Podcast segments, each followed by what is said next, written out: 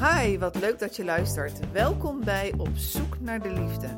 Mijn naam is Annette Burgers en ik ben stief- en relatiecoach in Rotterdam en relatiecoach in Den Haag. Je luistert naar een special van Op Zoek naar de Liefde, genaamd Ontrouw wat nu. In deze serie spreek ik met een aantal professionals in Nederland en spreek ik met ze over het effect van ontrouw op de relatie. Kan de relatie ontrouw overleven en waar is dit van afhankelijk? Vandaag spreek ik met Tineke Rodenburg, rouwdeskundige, relatietherapeut, opleider, mede-eigenaar van de Schiptrainingen en ontwikkelaar, auteur, grondlegger verlieskunde Hogeschool Utrecht en bestuurslid, adviseur en docent bij de Sociale Academie Utrecht. En dat allemaal in één vrouw. Tineke, van harte welkom. Dankjewel, leuk dat je me hebt uitgenodigd. Ja, als je maar lang genoeg doorgaat met, eh, met, met leven en werken, dan eh, krijg je op een gegeven moment een stapel met, eh, ja, met, met, met functies en met certificaten en ga maar door. Ja, ja, ja. Nou, dat mag er zijn. Ehm Tineke, ik heb al gezegd, hè, op zoek naar de liefde heet deze podcast. Heb jij de liefde gevonden? Ja, ik eh, ben dit jaar 50 jaar getrouwd. Dus dan mag je toch aannemen dat je de liefde hebt gevonden. Alhoewel dat natuurlijk geen enkele garantie geeft voor de kwaliteit van die liefde. Het kan even goed 50 jaar gemodder zijn.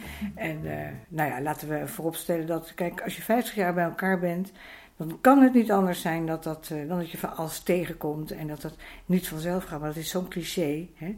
Hè, dat liefde een werkwoord is. Eh, maar dat is het wel. Er is wel wat voor nodig om eh, zo eh, lang bij elkaar te blijven. En ik kan stellen dat ik heel erg gelukkig getrouwd ben.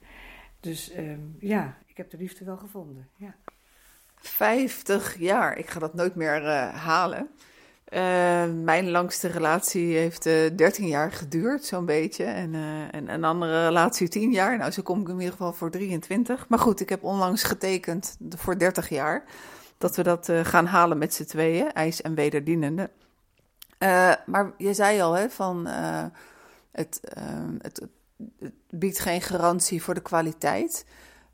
Als je terugkijkt op die 50 jaar, wat maakt dan dat jullie het hebben volgehouden met elkaar?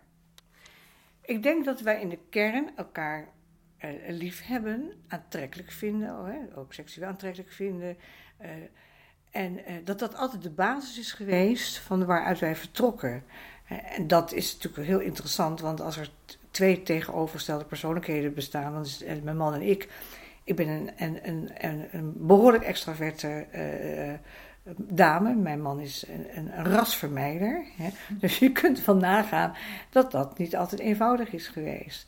Maar eh, er was altijd die liefde en het houden van. En we waren jong toen we kinderen kregen. Ik was 24, toen had ik al drie kinderen, waaronder een tweeling, dat moet even gezegd worden. Ehm, en we voelden altijd een hele sterke verantwoordelijkheid naar de kinderen. En misschien juist omdat we jong waren, ik was 20 toen ik trouwde, dat je dan nog het vermogen hebt, denk ik, om, ja, om ook dingen te laten. En eh, dat de eisen destijds ook van die relaties niet zo hoog waren. Van er was weinig, er was niet zoveel geld. Je ging één keer per jaar op vakantie. En dat is een beetje oma, oma verteld. Maar het was wel zo. Eh, ik denk dat tegenwoordig de, prikkels voor, jonge mensen eh, veel meer aanwezig zijn. Je moet vooral gelukkig zijn. Dat is, je hebt recht op geluk. Je hebt recht op eigen ontwikkeling. En je hebt recht op je, je, je, je praatgroep, je, je, je boekenclub, je, je, je vriendinnen. Eh, iedere week komt er een ander kookboek uit. Eh, je moet vooral op sociale media laten zien dat je het hartstikke getroffen hebt. Dat je succesvol bent. Eh, dus er, is veel meer, ehm, ehm, ehm, ja, er is veel meer ruis daaromheen. Hè, En 50 jaar geleden ja, zag de wereld er toch wat anders uit. Dus misschien is dat ook een geluk hebben dat je dat daardoor, nou, omdat er niet zoveel eh, afleiding was, dat, ge- dat je ja, de noodzaak en, eh, om. ehm, hoewel, eh, als ik heel eerlijk moet zijn, ben ik natuurlijk ook een keer ontzettend verliefd geweest. Hè? Dat, dat was eigenlijk ook niet te voorkomen. Ik was 20 toen ik trouwde. En ik was 33 en ik werd waanzinnig verliefd. Ja. En niet eens Want dit onderwerp gaat over ontrouw, dus ik doe meteen maar de aftrap. Niet eens zozeer omdat ik helemaal niet mijn man niet meer aantrekkelijk vond, geen zins. Maar ja, drie kinderen, uh, uh, een beetje in de, in de, ja, in de, ehm, ja, een beetje in de, misschien in de sleur. een man die niet altijd thuis gaf als ik een emotioneel beroep op hem deed. En dat deed ik. en dat maakte dat ik verliefd werd. Uh, maar aangezien ik, uh, dat was, was mij gelukt, denk ik, een, een extraverte persoonlijkheid ben, heb ik daar met, meteen de uh, melding van gemaakt. En daar zat mijn man natuurlijk niet op te wachten. Die was daar niet blij mee. Die zei niet, goh, wat van leuk voor je, vertel eens. ja. Niet? Nee, dat deed hij niet. maar ik voelde wel van, dit is mijn redding. Als ik het niet vertel, dan zou het wel eens uit de hand kunnen lopen. En daarna zijn we in de relatietherapie gegaan. En daar ben ik nog steeds heel blij mee. En ik ben eigenlijk deep down ook nog steeds heel erg blij met deze ervaring. Want um, ja, um, want ik denk als we wat royaler zouden zijn binnen relaties uh, uh, in onze maatschappij over het thema verliefd worden binnen je relatie. En, en, ik heb het niet over ontrouw, maar verliefd worden, dan zou er waarschijnlijk minder ontrouw plaatsvinden. Maar ik vraag het ook niet aan mijn beste vrienden als we gezellig zitten te eten. Uh, vertel eens, zijn jullie wel eens verliefd geweest? Zijn jullie wel eens. Uh, want dan, ja, dan ben ik toch bang dat ik ze in verlegenheid zou brengen en dat het ongemakkelijk wordt. Omgekeerd, als mensen mij vragen, ook al zit mijn man erbij, dan kan ik daar gewoon antwoord op geven. En dat zegt ook over de openheid in onze relatie. Eh, maar als we, dat als we daar eens wat royaler over zouden zijn met elkaar, uh, en eigenlijk ervan uitgaan dat dat gewoon kan gebeuren en dat dat uh, hoort bij ons mens zijn, dat we gevoelens ontwikkelen uh, voor anderen, dan zou de kans op ontrouw, denk ik, ehm, afnemen. Mhm. Hoe komt dat, denk je, dat wij enerzijds, het gebeurt heel veel, dat men ontrouw is, dat men vreemd gaat of overspel pleegt, welke naam je er ook aan wil hangen. Dus aan, de ene kant gebeurt het heel veel en aan de andere kant uh, is er een taboe op, uh, op hierover praten. Dat is niet zo gek. Uh, doorgaans streven wij mensen toch monogame relaties na. Of je moet andere afspraken hebben met elkaar, maar ga er maar van uit dat zeg maar, de doorsnee koppel wil graag uniek zijn voor die ander. Um, en, en dat je gevoelens ontwikkelt voor een ander, ontstaat er iets ongemakkelijks. Uh, je, uh, het is niet iets waar je zo makkelijk over praat met je partner. En als die relatie al wat sle sleets is, door, door wat voor omstandigheden ook, um, en het loopt dan niet zo lekker, ja, dan is het toch een, moet je een behoorlijke hap adem nemen om naar je partner toe te gaan. Te zeggen: luister eens, uh, Jan, ik ben verliefd op, op een collega. Want dan zou Jan wel eens ontzettend boos kunnen worden. Hè? Want de kans dat Jan zegt: God, wat leuk voor je vertellen is, is natuurlijk heel klein. En, en de meeste mensen zijn toch redelijk conflictvermijdend. He, dat is natuurlijk een hele mooie uitspraak, uh, mooie quote van uh, professor Dr. Martin Euwema. Die zegt: uh, Het vermijden van het conflict staat de oplossing in de weg en draagt het verlies in zich.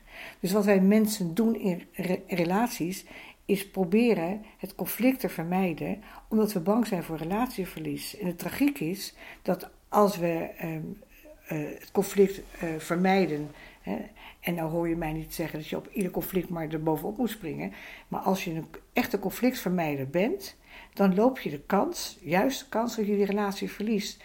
En mis je mogelijk de oplossing om weer, weer geconnect te zijn met elkaar. dat is de, de, daar denk ik dat mensen daar wat moeilijk contact over kunnen maken met een partner. Want er staat nogal uh, wat op het spel. En dan als die relatie al niet zo lekker loopt, dan heb je er weer heb je er nog een probleem bij. Mm-hmm. En kan jij je nog herinneren, want je zei van wij zijn toen in uh, relatietherapie gegaan. Uh, wat was de opbrengst of de winst daarvan? Hoe was je relatie voordat dit aan het licht kwam en wat, hoe was je relatie erna? Wat is het verschil van die therapie geweest? Ik moet er over nadenken. Ik was toen 33 en ik ben in, volgende maand word ik 70. Dat is heel lang geleden. Nou ja, het is in ieder geval uh, een, een, een, een, uh, een, een besef dat het ons dus ook kan overkomen. want dat is natuurlijk ook toch, want ik denk dat je allemaal, uh, um, dat, dat is allemaal veel al, een beetje al, al te expliciet, maar dat wij, iedereen denkt, denk ik van, uh, dat hou ik wel in de hand. Um, ik weet wel wat het waard is. Um, of, ik, of je legitimeert het. Hè? Mhm. En als je, er, als, je dat, als je daar geen openheid over geeft, en dat is natuurlijk met alles, dan heeft het juist grote kans om groter te worden. Hè? Want dan wordt het een geheim. En alle geheimen die je meeneemt in je relatie, die lopen parallel mee met, met die relatie. Op onbewust niveau speelt het altijd een rol. Op het moment dat je partner jou in de ogen kijkt, of lief tegen je is, eh, dan, dan, dan ontstaat er toch iets ongemakkelijks, omdat jij met iets rondloopt waar die ander geen weet van heeft. En we weten allemaal precies welke geheimen onze relatie schaden en welke geheimen, uh, ach, dat uh, guilty pleasures zijn, zal ik maar zeggen. Um, dus dat heeft ons in ieder geval opgeleverd dat, dat je je um, relatie niet voor vanzelfsprekend uh, moet, moet zien. Dat daar dus ken ik, dat, dat zelfs ons kan overkomen, dat je gevoelens ontwikkelt voor een ander. Uh, en dat dat ook niet betekent dat dat het einde van het verhaal is, maar dat er wel werk aan de winkel is. Dus we zijn wat opener geworden. Het is wat makkelijker bespreekbaar. Kijk, het feit alleen dat ik eh, ook eh, als mijn man niet bij zou zitten hierover zou kunnen praten, dat geeft eigenlijk al aan eh, dat wij daar een slag in hebben gemaakt. Ja. Maar er is wel moed voor nodig. En als jij nu terugkijkt hè, op die 50 jaar, dat dit was, uh, ja, ik weet niet, fase 2. Je hebt misschien de fase voor de kinderen. Uh, de kinderen zijn klein. Um, hoeveel fases heb jij ervaren in jullie relatie? Jee, een moeilijke vraag. Ja, het, ik heb dat nooit zo als fases uh, gezien. Dat liep, ik was 20 toen ik trouwde, 24 toen had ik drie kinderen. En zo schokten wij voor. Ik was wel heel erg jong toen de kinderen de deur uitgingen. Ik was 42 geloof ik toen. Ja, 4, 42 gingen ze allemaal studeren. Omdat ze zo dicht op elkaar zaten. Dus wij waren heel jong. Uh, weer met z'n tweeën. We zijn nu al veel langer met, met elkaar dan ooit met die kinderen. Uh, en dat besef, dat vond ik ook wel interessant, denk ik. Als je uh, het een beetje leuk hebt met elkaar, dan is dat wel fijn om samen oud te worden. Maar als je het, uh, dus de investering in je relatie, en, en, dat is wat, wat mij heel erg altijd wel bezig heeft gehouden. Tijd voor elkaar maken, aan de bel trekken, uh, niet van laat maar, of, uh, maar gewoon het, het aangaan van het, het, het, het contact zoeken. En nou ben ik daar, je moet je voorstellen, als je met een vermijder bent getrouwd, is dat niet altijd makkelijk. Hè? Want ik, ik klop op die deur en hij denkt, oh wat wil ze van me, ik moet weer praten over mijn gevoelens, wegwezen. Ja? En, en, en, dan, en, en dat helpt niet, want ik ga steeds harder kloppen. Uh, ik ben, denk ik, en, en nou lijkt het alsof ik de grote de aanjager ben geweest in die relatie. Geen zins, want ik heb een hele verstandige man die mij ook eh, in mijn enthousiasme en uh, ook heel goed kan begrenzen. En ook kan, kan zeggen, nou is het even genoeg. Maar het, het, ik ben me altijd bewust geweest van het feit dat ik, uh, uh, ja, dat we aan de bak moesten. En uh, ik heb altijd gedacht, ik, ik wil gewoon gelukkig zijn. En dan kun je lang praten over wat is dan geluk. Hè? En, en, geluk kan ook, zo, kan ook al zijn als, je, als het gewoon is, als je in balans bent met jezelf en hè, met je leven en de natuur. En dat hoeven geen hoogstaande dingen te zijn. Um, maar ik dacht, ik wil het leuk hebben. Uh, en als, als we het niet meer leuk hebben, dan moeten we uit elkaar. Want uh, ik zag oudere mensen, vaak ook natuurlijk in mijn werk, eh, of nou, je hoeft maar bij de Albert Heijn te kijken, waar, die, waar het venijn soms van afspat. En denk ik, oh wat moet dat erg zijn. En hoe ongezond is een slechte relatie, is zo ongezond. Voor je ontwikkeling, en dat wat je uitstraalt naar je kinderen, uh, je gezondheid. Ik denk dat heel veel psychosomatische klachten, waar cliënten bij mij aan de, mee aan de bel trekken, dat die voortkomen uit uh, uh, niet gelukkig zijn, of in ieder geval niet ja, tot, tot ontwikkeling kunnen komen, of um, um, niet gezien worden. -hmm. Dus het is hard, hard knokken. Eh, maar je moet het wel kunnen en je moet het wel willen. En, eh, ja, en als ik kijk naar de huidige relaties van eh, jonge mensen, en ik zie ze natuurlijk dagelijks hier in mijn praktijk, er moet veel te veel. Ja. Op de een of andere manier is de, vooral de, de categorie 40-jarigen, die zijn, en daar word ik misschien op afgeschoten, maar dat zijn soms gewoon echt verwende mensen. die denken dat het leven alleen maar bestaat uit voor jezelf gaan. Van de week een moeder die zei: Ja, ik, dat, ik denk, ja, en kijk, een gelukkige moeder uh, betekent ook een gelukkig kind. Ik denk, dat is makkelijk. Ik zou jouw kind wel eens willen horen uh, spreken over, over, over haar opvoeding. Hè? Dus jezelf voorop zetten is. en natuurlijk moet je ook goed voor jezelf zorgen. Maar als je kinderen krijgt, betekent het dat je samen, uh, dat je daar samen, um, dat je, ja, dat je erover moet hebben hoe je dat gaat vormgeven. En dan, dan, dan denken mensen, en dat is ook heel terug, denken mensen, ja, ik moet wat inleveren. Ja? En inleveren, inleveren voor, wat? Van, van wat? Ja? Terwijl juist dat inleveren die verbinding zo uh, tot stand brengt. Dus je verbinden met die ander betekent dat je uh, die ander ziet staan en daar iets voor over hebt. En dat je die ander ook, uh, dat je goed voor die ander zorgt. dus ook voor jezelf. En alleen maar voor jezelf gaan, dat levert niks op. Helder. Als we dan nu even het overstapje maken naar ehm, naar voor jezelf gaan en op het moment dat je een ander tegenkomt, dus je staat open voor, voor de ontrouw, uh, dan gebeurt er van alles met een ander op het moment dat die ander erachter komt of dat het verteld wordt. Uh, welke rouwfases gaat iemand dan in? Ja, ik weet niet of je zozeer moet praten over rouwfases. Er is in ieder geval is er iets uh, compleet veranderd in, in, de, ja, in de kijk op je partner. Hè? Dus dat vertrouwde, de, die basis waarvan je dacht dat die was, uh, uh, die is even compleet weg. dus dat betekent dat je opnieuw moet kijken naar die ander. En, en, en, en, en is er dan nog genoeg over om verder te gaan met die ander? en het is natuurlijk heel makkelijk om te zeggen: en die andere is de dader en jij bent het slachtoffer. Als het zo makkelijk was, dan, uh, nou, dan waren we er snel uit. Dat vindt er overigens natuurlijk wel je omgeving. Hè? Die vindt dat je natuurlijk een, een, zwakke persoonlijkheid bent als je nog bij die ontrouw partner blijft.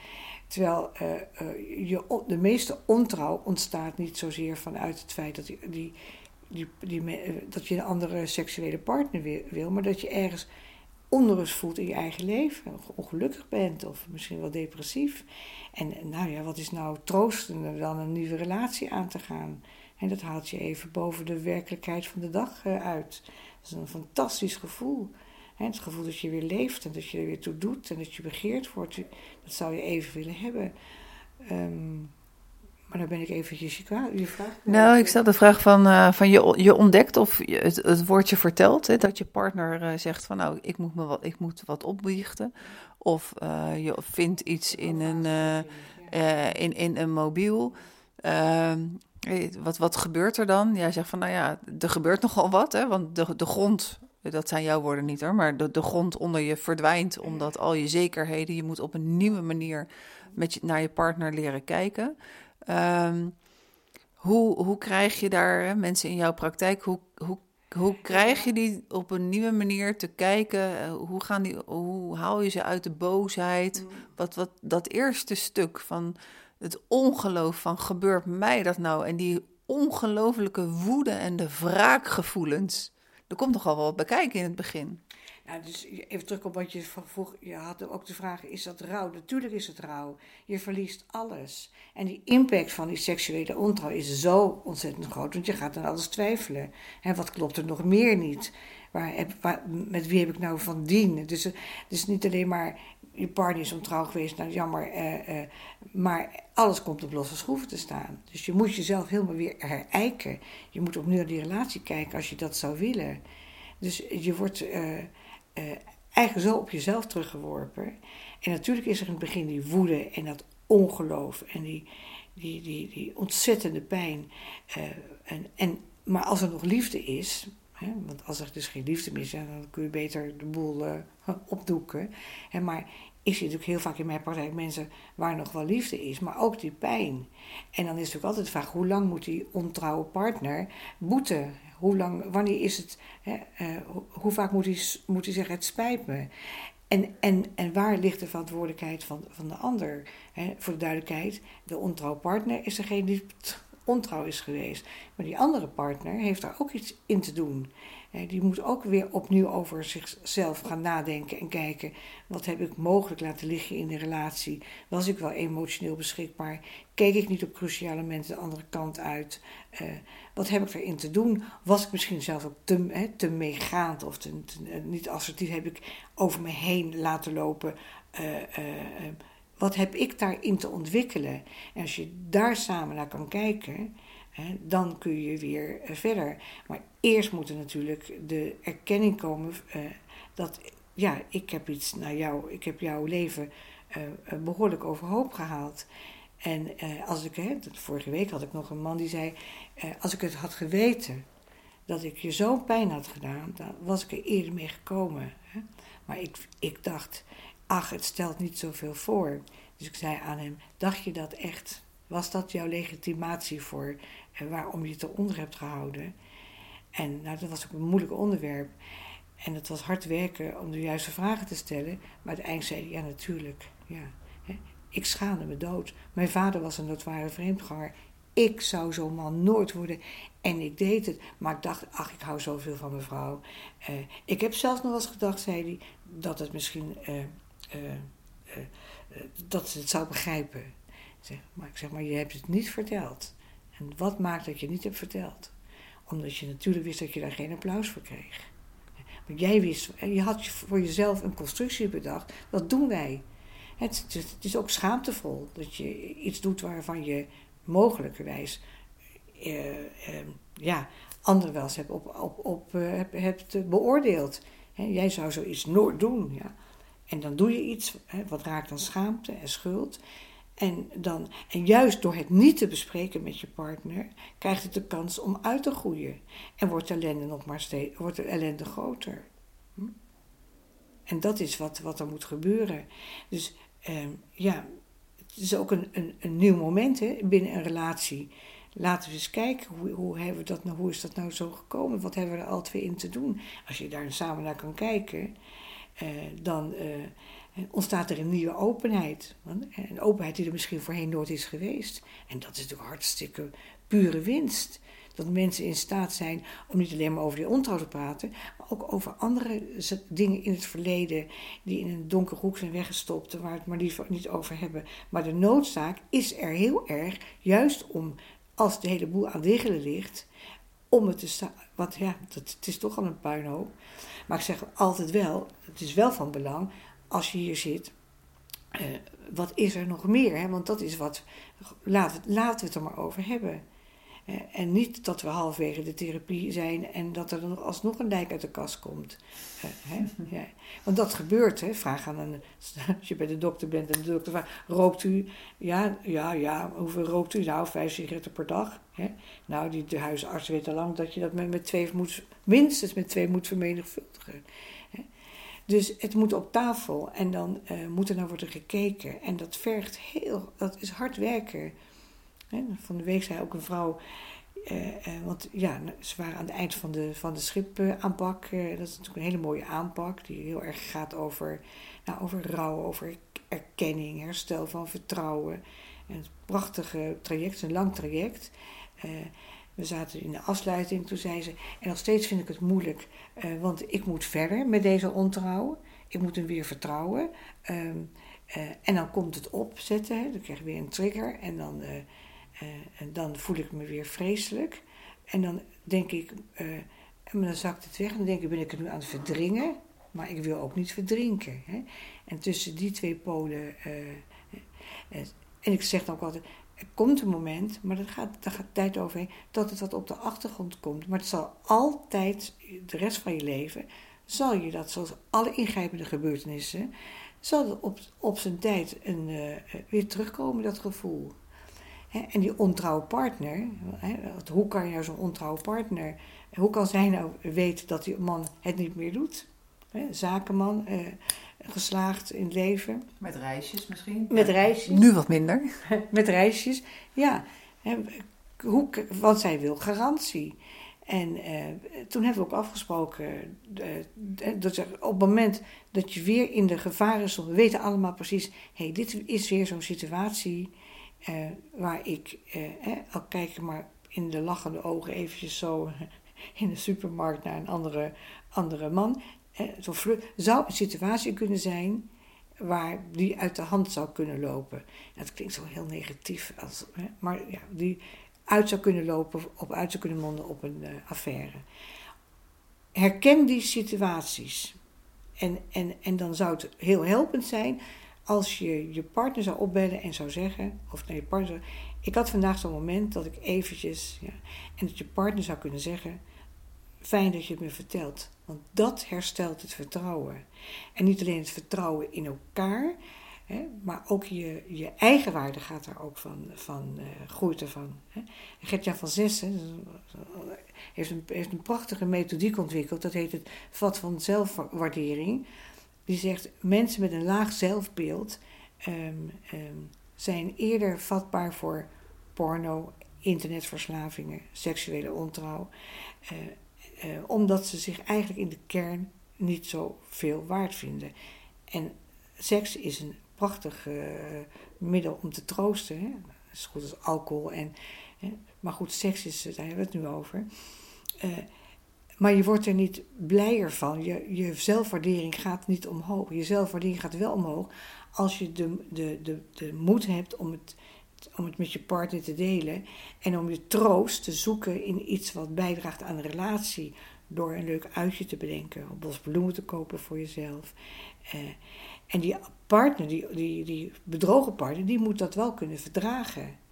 En ik vroeg van de week met dat stel wat ik hier had, zeg, hoe zou dat dan zijn voor jou als, je, als, als hij dat zou zeggen? Jij zou opbellen en zou zeggen, joh, ik, ja, ik, uh, ik kreeg weer van die prikkels uh, en ik dacht even, uh, nou zei ik zou dat eigenlijk heel fijn vinden. Ik zeg, wat maakt dan dat je dat fijn vindt?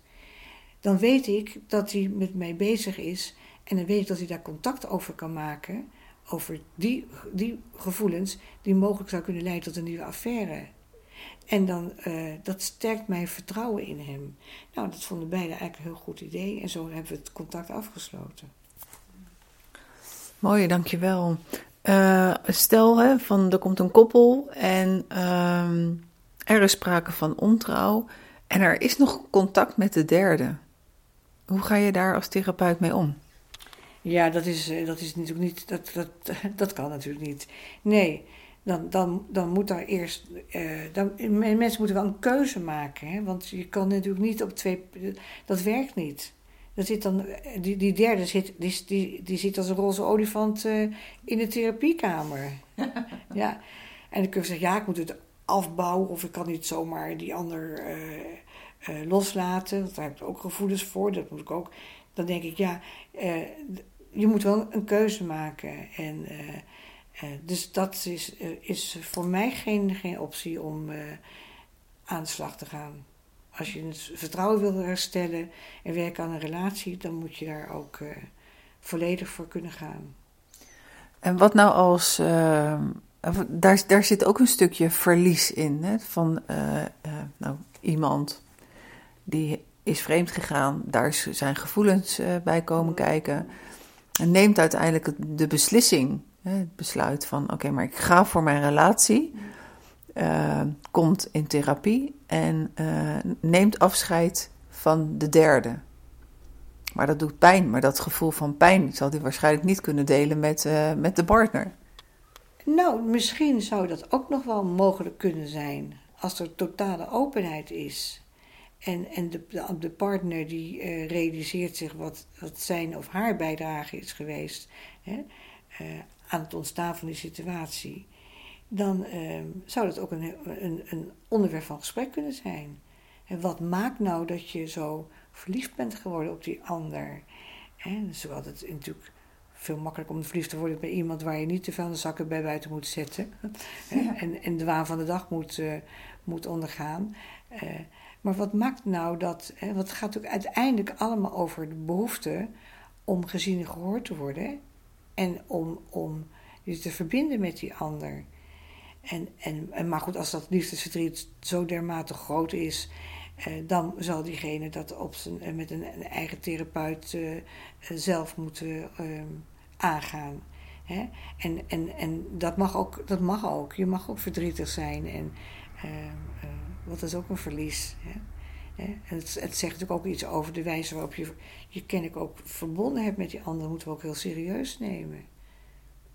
Ja, dus jij zegt dan van dat zou een parallel proces kunnen zijn uh, met een andere therapeut om dat verlies te verwerken. Ja, dat zou een parallel proces kunnen zijn, maar wel in alle openheid dat de partner dat proces met de andere therapeut aangaat in zijn bestaande relatie. dus de geheimen moeten, moeten uit, uit, uit de wereld. Ja. Je noemde het dus straks al uh, schuld en schaamte. Kan je iets meer vertellen over uh, schuld en schaamte? Uh, op welke wijze het naar boven komt in de casus van de ontrouw in de relatie? Um, schaamte is natuurlijk schaamte is een hele mooie emotie. En wij mensen schamen ons, uh, denk ik, uh, veel vaker dan dat wij ons wel eens realiseren. Maar het is ook een hele bruikbare emotie. Want schaamte betekent dat we kennelijk. Um, dat, dat weerhoudt ons van het, het, het doen van. Um, ja, van. weerhoudt ons misschien ook wel van het plegen van, van misdaden of uh, crimineel gedrag of uh, uh, schaamte heeft ook een functie. Maar het is wel interessant om die schaamte te, te, te onderzoeken. En schaamte heeft de, neiging om welig te tieren in donkere spelonken van ons brein. Het is heel interessant om eens die schaamte met elkaar te bespreken. En op tafel te gooien. Hè, en een anti-schaamteoefening. En dan blijkt die schaamte eigenlijk veel makkelijker te, ja, um, ja, op te lossen.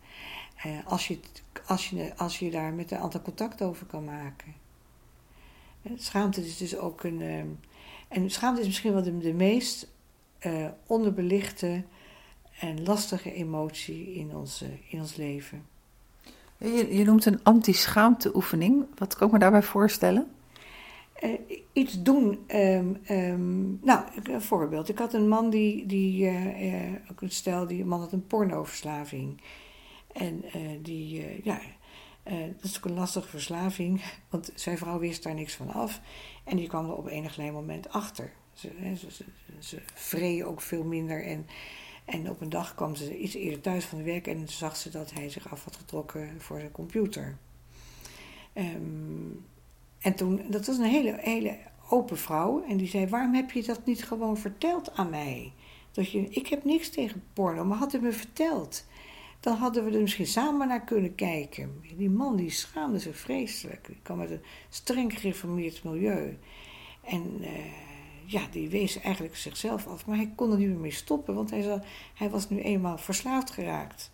En dat is vaak met wat, eh, zeg maar, wat introverte uh, mensen met een religieuze achtergrond.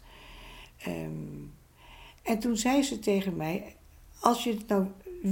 Ik ga het je niet verbieden, want ik ben je moeder niet. Ik wil, jou, ik wil niet in die rol zitten dat ik jou verbied om naar porno te kijken. Maar ik zou het zo fijn vinden als je, als je het me zou vertellen. En dat klinkt ook weer zo, zo, zo flauw. Van, moet je dan zeggen, nou, ik heb het weer gedaan. dat gaat, maar ze zei, dat zou mijn vertrouwen sterken dat je, gewoon, dat je gewoon eerlijk en open bent. Want het, zit, het, het blokkeert onze relatie. Ik voel me daardoor minder verbonden met jou. Uh, nou, weken daarna kwam ze te, uh, controleren. Ze ging hem controleren, want dat, dat, dat deed ze. Toen kwam ze achter dat hij dat weer had gedaan. En niet erover had gesproken. Nou, de rapen waren gaar. We waren echt waren goed op weg in de therapie. En uh, nou, dat was weer helemaal foute boel. En toen heb ik gezegd, wat, wat, maakt dat je het niet aan haar kon vertellen? Ja, ik, ik schaamde me vreselijk. Wat zou er kan gebeuren als je het zou vertellen? Ja, dan zou ik. Ja, is, nou, het is nog de vraag wat er dan zou gebeuren. Want die ervaring heb je niet.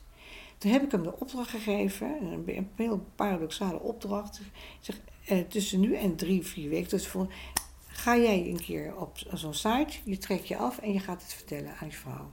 Nou, dan moest ik een beetje op lachen natuurlijk. En dan moet ik van de therapeut uh, achter zo'n porno-site. Ja. Maar goed, eh, eh, ze kwamen terug en ik zeg, en is, is, het, is het gelukt? Ook een beetje raar, zo'n vraag in het kader van dit onderwerp natuurlijk, maar wel grappig. Hij zei, ja, ik vond het wel heel raar. Ik zei, maar ja, ik heb het... En nou, toen kwam ze thuis en ik zei, nou, ik heb naar een, een pornosite gekeken en ik heb me afgetrokken. En het was de reactie. Nou, ze, wat, wat zei je? Vroeg ik aan haar en ze zei, ik zei, nou, ik vind het heel fijn dat je dat verteld hebt. Daar ben ik heel blij om. En uh, ik, laten we duidelijk zijn, zij zei, ik ben natuurlijk, ik vind het nog steeds bizar, maar ik ben blij dat je het verteld hebt, want dat... En hij zei, ik was verbaasd, want daarna was het gewoon over. Ik kon het dus, nou, dat is een anti-schaamteoefening. Ik zeg, en dat zou natuurlijk mooi zijn als dat zich zou verbreden en die man ook met andere, die zat vol met schaamte, overal over. Als hij die ervaring opdoet dat je als je iets vertelt waar je voor schaamt, dat de wereld niet vergaat en dat je partner niet buiten de deur zit, maar dat dat, ze konden ook staan er om, lachen. Dus het, het, het, ja, de verbinding uh, tussen die twee werd eigenlijk. En zij zei, zo fijn, dus nou weet ik gewoon dat ik gewoon nu, uh, bij wijze van spreken, een paar dagen weg kan gaan. Of, en dat ik niet denk, zou die weer achter dat scherm zitten? Want je gaat het me vertellen. En de rust daalde weer in het, in het gezin. En waardoor die man, eh, over het vat van zelfvertrouwen, waardering, die voelde zich echt, uh, zo. Hij groeide daar echt van. Dat klinkt een beetje tuttig allemaal, ja, zo'n man die goed. Maar het was wel zo. Hij was eigenlijk ontzettend trots dat hij dat dus kon. Waardoor ook andere gevoelens waar hij mee worstelde, makkelijker bespreekbaar werden. Ja. Nou, dat is natuurlijk fantastisch dat maakt mijn werk zo leuk. Ja, ja snap ik. Dan stappen we over naar schuld. Um, schuld is, vind ik, is een hele, uh, schuld is een hele lastige, uh, net zoals schaamte trouwens. Maar schuld, ja, heb je actief schuld aan iets of heb je passief schuld? Hè? Als je kijkt bijvoorbeeld naar suïcide, dat is een ander onderwerp, maar hè, dan het is heel makkelijk om te zeggen je partner heeft gesuicideerd, maar het is niet jouw schuld. Als dat zou helpen, dan liepen mensen niet met allerlei schuldgevoelens rond. Maar schuld kan ook betekenen dat je misschien niet actief hebt bijgedragen aan die suïcide, maar passieve schuld. Hè? Misschien heb je iets nagelaten. En dat natuurlijk ook bij seksuele ontrouw. Schuld kan ook, schuldgevoel kan ook liggen in het feit dat je je partner uh, uh, seksueel uh, hebt afgewezen en niet je eigen verantwoordelijkheid hebt genomen om daar eens naar te kijken. Wat, wat maakt dat? Hè? Het erbij hebben laten zitten. Dus dan heb je dus, dat heb je niet willen te weten gedaan, maar het is wel gebeurd. En schuld kan ook, schuldgevoel kan ook liggen in het feit dat je je partner hebt verzwegen. Dat, dat die vrouw die dan zei, het feit dat je vreemd bent gegaan vind ik al vind ik vreselijk. Eh, maar dat je mij niet de moeite waard vond. Want dat is de betekenis die je dan eh, geeft aan het feit dat je, dat je mij niet de moeite waard vond om het mij te delen. Nou, dat vind ik zo verschrikkelijk. Ja. Dat vind ik misschien wel erg dan die ontrouw. Ja. En, en dan zeggen, en het is jouw schuld dat mijn hele leven overhoop ligt. En dan is natuurlijk, kan je, kan je er op twee manieren naar kijken. Je kan denken, ja, is dan die man helemaal verantwoordelijk voor het feit dat haar leven overhoop ligt? En dat is natuurlijk. Hè, of uh, um, uh, zit daar ook een, een, uh, een, een, iets in waar zij mee aan de slag moet. Dus, en als je daaruit kan komen, als je uit die. Maar die schuldvraag is natuurlijk wel, die moet wel besproken worden en, en ontrafeld. En, er hoeft ook een, en dan lijkt het alsof je zegt: oké, op een gegeven moment weten we het, dan weten we, oké, dat is het. Maar het gaat er veel meer om dat, het, de onder, dat die moeilijke onderwerpen besproken worden. En dat is natuurlijk fijn. Dat lukt mensen vaak niet als ze met z'n tweeën zijn. Want dan, ja, dan krijg je een, een, vaak een verwijt en dan is, de, ja, de boel klapt weer. Maar als ik als therapeut erbij kan zitten en die vertaalslag kan maken... of de betekenis van datgene wat er wordt gezegd... of vragen kan stellen waardoor eh, eh, zeg maar die verbinding tussen deze twee mensen weer kan ontstaan... Eh, want dat is waar het over moet gaan. Ze moeten er beter uitkomen, zou je bijna zeggen. Niet dat ik, hè, dat zei ik uh, vorige week ook nog tegen de mensen. Het is niet zo dat jullie blij moeten zijn dat, jullie, dat, dat je partner ontrouw is geweest. Laten we dat even voorop stellen. Maar als je nou terugkijkt hè, naar die. Wat is er dan veranderd? En dan zegt zij, zegt zij, we kunnen veel beter met elkaar praten. En we dachten echt dat we een hele goede relatie hadden. Maar desondanks we zijn zoveel verder gekomen. We zijn zo dichter bij elkaar gekomen. En dat is natuurlijk het. Dat, dat kan het, maar dat, dat betekent wel dat het, dat het over moeilijke dingen moet gaan. En dat is heel erg moeilijk. Want als ik het achtereind van mijn tong laat zien en jij zegt wat een onzin, hè, dan ben ik weg. Maar als, als er een goede therapeut zit, die, die, die, die daar als een, als, een, als een mediator, buffer tussen zit, en, en het niet afwijst als iemand zijn, zijn, zijn, zijn, zijn hart en ziel op, tafel maar de betekenis aan kan, ja, nou ja, betekent, het kan duiden of kan helpen om de vertaalslag te maken naar die ander. Dat, het, dat is met conflicten natuurlijk ook zo. Conflicten zijn eigenlijk zijn conflicten heel erg waardevol binnen een relatie. Eh, conflicten zijn een, een, een, worden vaak gebruikt om, om contact te leggen. Het is weliswaar niet een, een effectieve manier, hè, maar een, onder dat conflict ligt vaak het verlies. Het verlies van contact, het verlies van niet gezien te worden, de, de pijn. En vanuit de pijn, hè, kijk naar EFT, eh, krijg je een vervorming van je behoeftes en die, die worden vertaald in akelige, in akelige verwijten. En daar, uh, uh, dat, dat boven de streep zeg ik altijd, daar uh, ontstaat het conflict.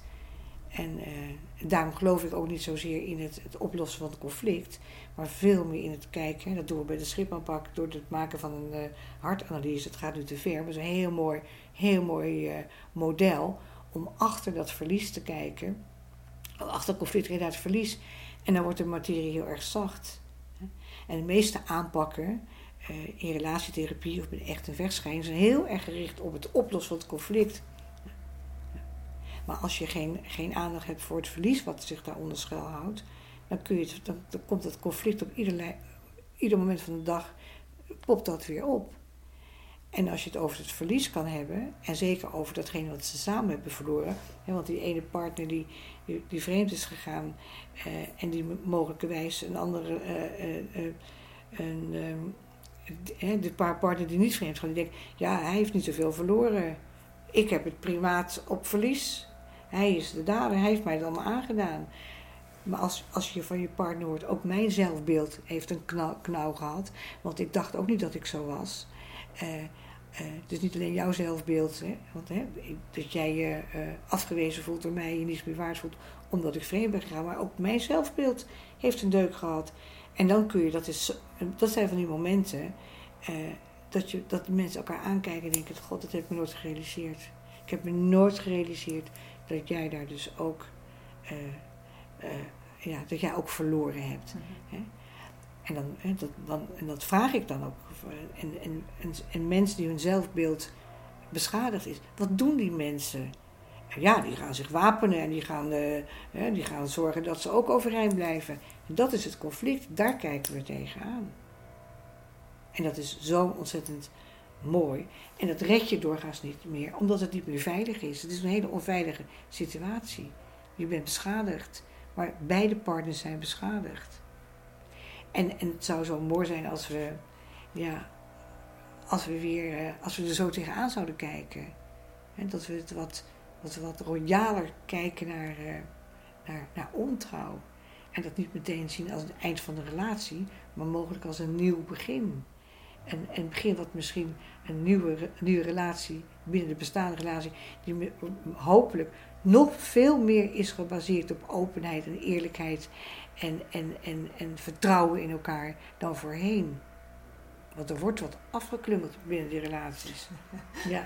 ja over uh, afgeklungeld gesproken. Ik weet niet uh, wat jouw ervaring is, maar ik merk zelf... Uh, ik kan verwonderd zijn over het stukje onderhoud... en dan vooral slecht onderhoud op het gebied van intimiteit en seksualiteit. Wat is jouw ervaring hierin? Ja, dat is wel heel leuk dat je dat zo vraagt. Dat is, we gaan vaak slordig met onze relaties om. We denken we hebben wel genoeg credits opgebouwd, of het kan wel even leiden. Eerst die verbouwing, dan die promotie. Hè, vooral jonge, jonge gezinnen waar ik het ook net over had. Uh, het komt wel terug. En dan zeggen die vrouwen tegen elkaar, dat is ook heel leuk, vrouwen zijn er heel goed in, die zeggen: Hé, uh, hey, uh, Annette, hoe is het met jullie met de seks? En dan zeg je: Oh, Tineke, dat gebeurt al maanden niks. En dan zeg ik, ach, gelukkig. Nou, nou bij ons is het niet veel beter hoor. Hé, ik ben gerustgesteld, ja. In plaats van, en, dan komen en dan kunnen we er donder op zeggen. Dan in die sleetse relatie komen we die leuke collega tegen. Die lacht eens tegen je, je kijkt nog eens terug. En het zou een moment moeten zijn dat je naar je partner zou gaan en, en zegt: Hé hey Jan, hoe zit het met onze relatie? Hoe zeg je, Jan, hoezo? Nou ja, ik had een, eh, ik had een leuke collega, ik had een nieuwe collega en ik dacht opeens: hmm, leuke man. Hoezo, jij nieuwe collega? De rapen zeggen. Dus dat doe je niet. Maar het zou veel effectiever zijn. Zeg, hoe zit het echt met ons? Ja. Wanneer hebben wij voor het laatst gevrijd met elkaar? En de ellende van seksualiteit is dat je zelden op hetzelfde moment zin hebt in seks. Zo'n situatie dat je denkt, vanavond gaan we het, eens, gaan we het eens leuk maken. En dan zie ik je s'avonds op de bank, vrijdagavond. En die, je, partner laat de harde wind. Of die, die heeft net lekker uit te buiken. Van, en ik kijk dus naar rechts en denk, ach, laat me zitten ook. Ja, ja. Maar er is een soort idee van dat je op hetzelfde moment... Huppakee. Dat is niet te doen. Je moet er wat voor doen. Als je een lekkere taart gaat bakken. En dan uh, zorg je ook dat je de ingrediënten in huis hebt. Je maakt het een beetje gezellig. En je gaat een een taart bakken of een lekker diner eh, koken, een glaasje wijn erbij. Eh, maar kennelijk moeten we voor seks moet, moet dan uit de lucht komen vallen. Ik ben een tijd geleden geïnterviewd bij het AD. Daar waren mijn kinderen niet zo blij mee. Dat ik zei van. ik zeg al tegen mijn man, hè, 50 jaar trouwens. Dan zeg hey, zullen we er weer eens werk van maken? Dan zegt mijn zoon: Moeten wij dat allemaal weten, Tineke? Moeten wij dat allemaal. Uh, hè? Dat wil je van je moeder natuurlijk niet. Zeg: Ja, joh, ik, ik, ik, het is mijn vak. Dus ik moet zelf ook met de billen bloot. Maar zo werkt het wel. Als je dat niet doet. En de ellende is ook nog net dat in, in het begin hebben mensen het er nog over. We moeten eens wat vaker vrijen. Ja, dat moeten we doen. En er komt een tijd en dan is het helemaal geen onderwerp meer. En dan gaan er maanden, jaren overheen. Dat is altijd waarna ik vraag: wanneer? Eh, hoe met jullie seksuele relatie? Wauw, wauw. Ik zeg maar, hoe? Vertel. Ja? dat is al een tijd geleden. Hoe lang geleden? Nou, misschien al wel wat maanden. Hoeveel maanden? Zijn je het daarover eens? Ik vraag net lang door dat ik ongeveer weet. Hè, en niet zozeer dat de frequentie zo van belang is. Hè, maar als het helemaal uh, uh, er niet meer toe doet. In intimiteit is, is van belang. En dan kan je er donder op zeggen dat er op onbewust niveau een vacature ontstaat. En dan zijn de rapen gaar. Dus het is, is heel veel. Het is een prachtig boek van Esther Perel. Hè? Dat is mm -hmm. Erotische intelligentie is haar eerste boek. Ga het lezen. Ja? Ga het lezen voordat je in de problemen komt. En dat zou ik ook. Hè? Ik van de week ook weer een stel uh, uit elkaar.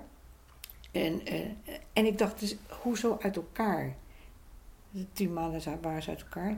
Drie, drie jonge kinderen, twee ho hoogopgeleide mensen. Uh, ik wat maakt nou dat ik het gevoel heb dat deze scheiding eh, had kunnen voorkomen?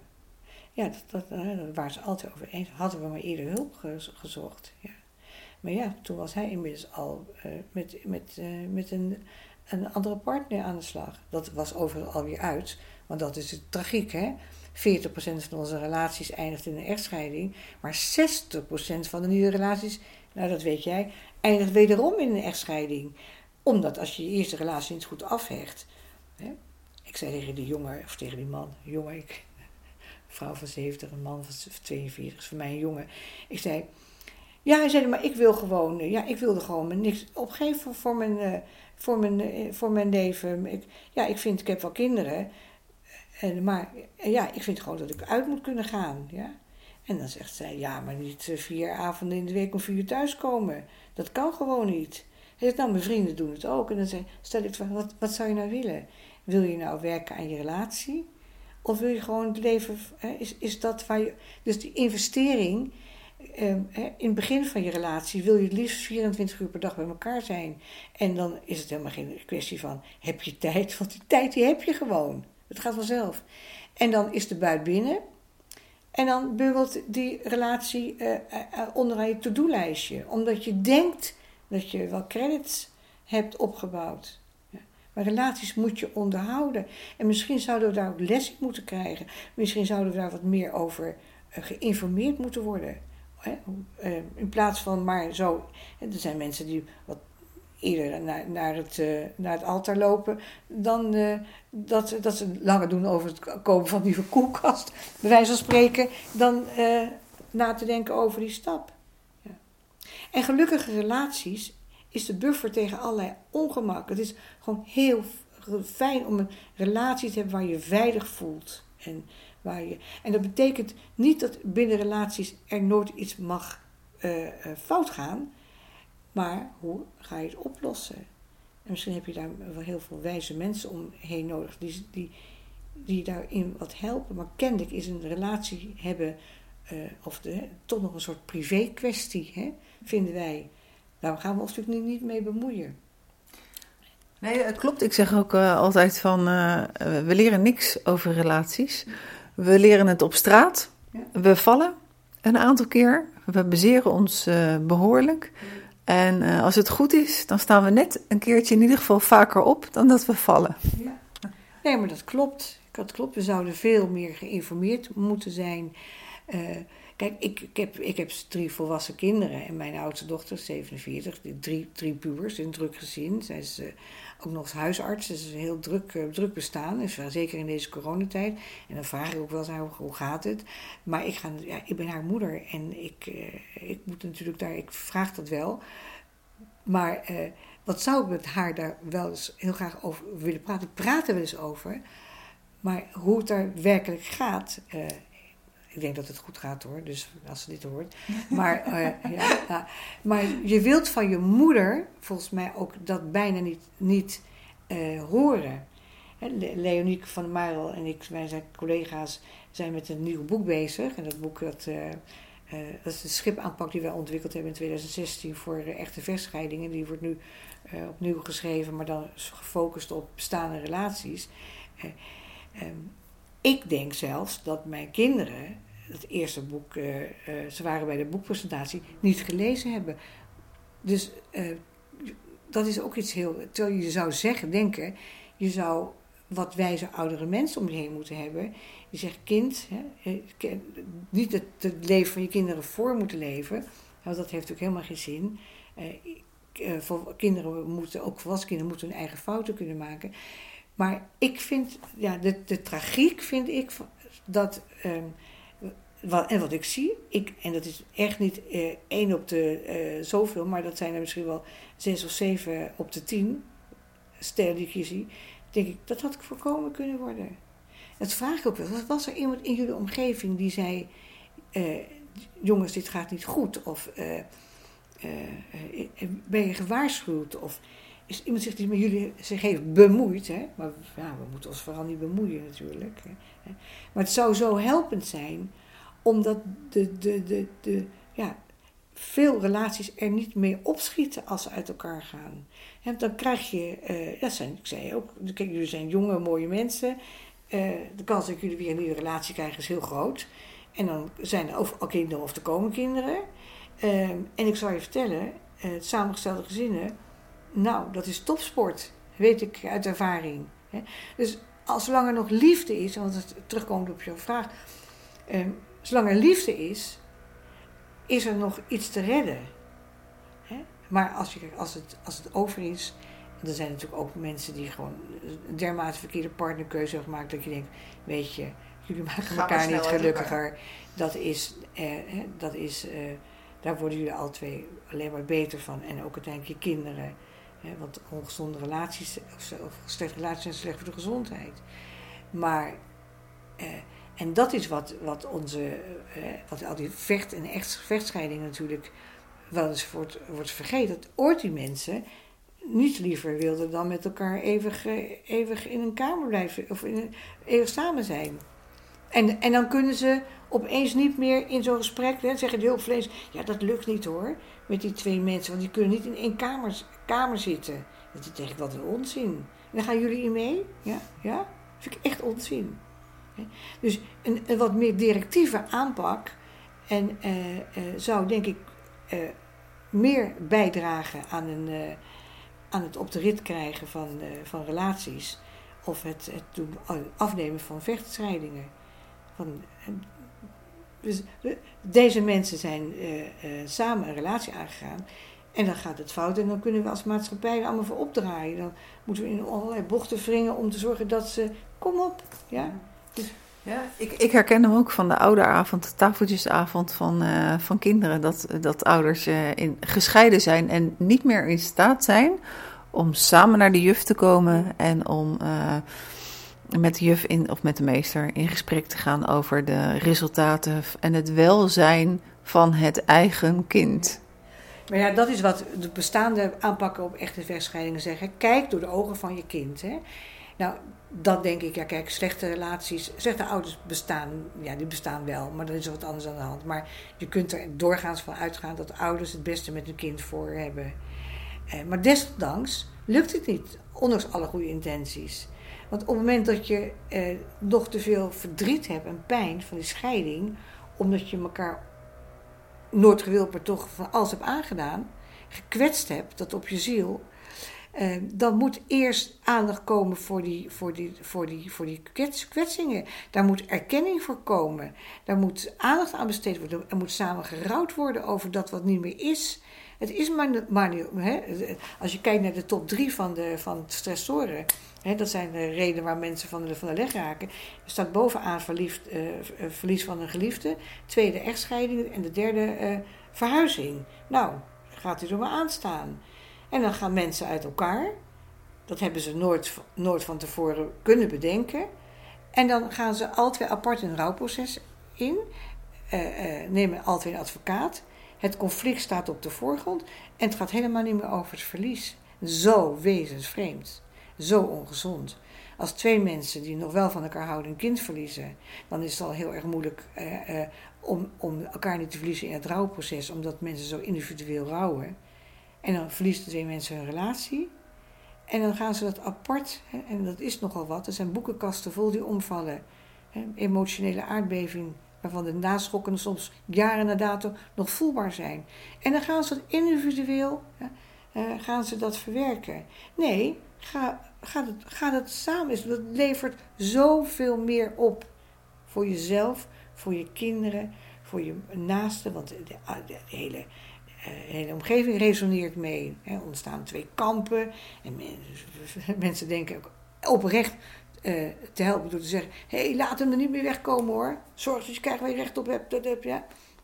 Dus alles is gericht op dat conflict. Hè? En vandaar dat deze aanpak zo succesvol is, omdat in 2016 zijn we, hebben, we dat, eh, hebben die aanpak ontwikkeld. En tot, mijn, of tot onze grote verbazing was er nog nooit op het niveau van rouw eh, gekeken naar echtscheidingen. Men dacht, ja, echtscheiding is, ja, echtscheiding is rouw. Hè, dat lees je dan in de, in de boeken, punt. Maar ja, de, de, de is voorbij.